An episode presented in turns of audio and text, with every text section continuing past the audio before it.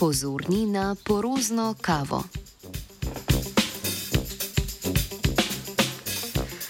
Ah, kava. Le kako bi preživeli jutro brez tega dišečega napitka, ki nas poživlja? Kako? Raziskovalna skupina z univerze v Huddersfieldu je najbrž podobnega mnenja, saj v članku, ki ga je pred kratkim objavila v reviji Physics of Fluids, poroča o ekstrakciji kave, natančneje pri pripravi espresa. Znanstvenike in znanstvenice je zanimalo, kako velikost delcev mlete kave vpliva na učinkovitost ekstrakcije.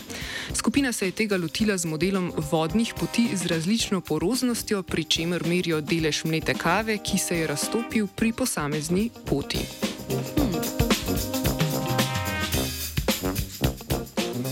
Večina modelov priprave kave napoveduje, da je ekstrakcija kave iz zrn učinkovitejša, čim bolj fino je mleta kava.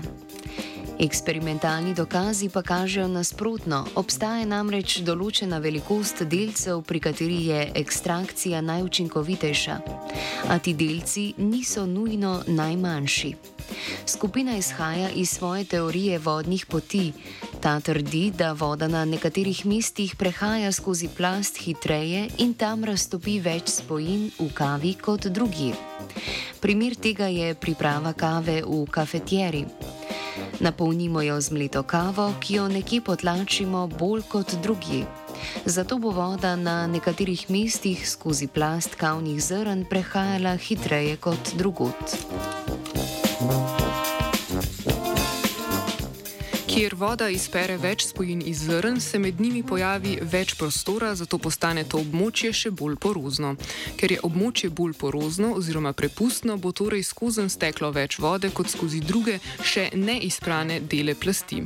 Ta območja skupina poimenuje vodne poti. Strmimo namreč v oči pozitivne povratne zanke, ki majhne razlike v poroznosti povečuje in povzroča, da večina voda, vode steče po omenjenih vodnih poteh, zato ta kava ne izpere enakomerno.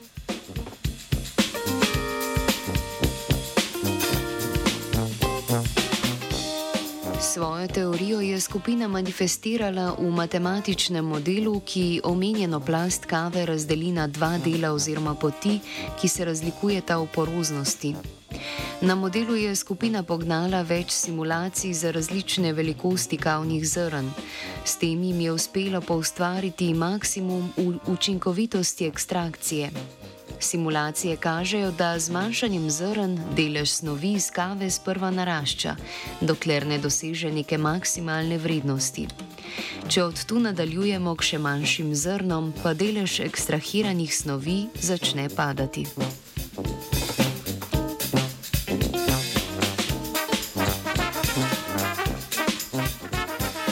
Model se torej ujema z eksperimenti, saj uspe reproducirati opaženi maksimum v ekstrakciji kave, ko se raztopi skoraj četrtina spojin iz zrn. To ujemanje nakazuje, da bodo v plasti mlete kave vedno prisotni neenakomerni vodni tokovi, ki so posledica majhnih razlik prvotne poroznosti plasti. Učinek je najvidnejši pri zelo fino mleti kavi, kjer se čez del kave z manjšo poroznostjo pretoči večina vode, ki popolnoma popolnoma ekstrahira kavo iz tega dela posode. Ob tem je druga polovica kave slabo izkoriščena, saj skozi njo steče razmeroma malo vode, kar pomeni slabo ekstrakcijo. Tako lahko razumemo, zakaj je pri zelo finih kavah ekstrakcija slabša, kot bi sicer pričakovali. Hmm. je v obravnavi ekstrakcije kave za zdaj edinstven. To je namreč prvi model, ki se opisa plasti loti tako, da jo razdeli na dva dela. To se izkaže za zelo uspešno, saj model kljub svoji preprostosti uspe pa ustvariti eksperimentalne rezultate. Model bi lahko v prihodnje uporabili za oceno grenkobe kave, saj čezmerno izpiranje kave povzroči izpiranje snovi, ki kavo naredijo bolj grenko.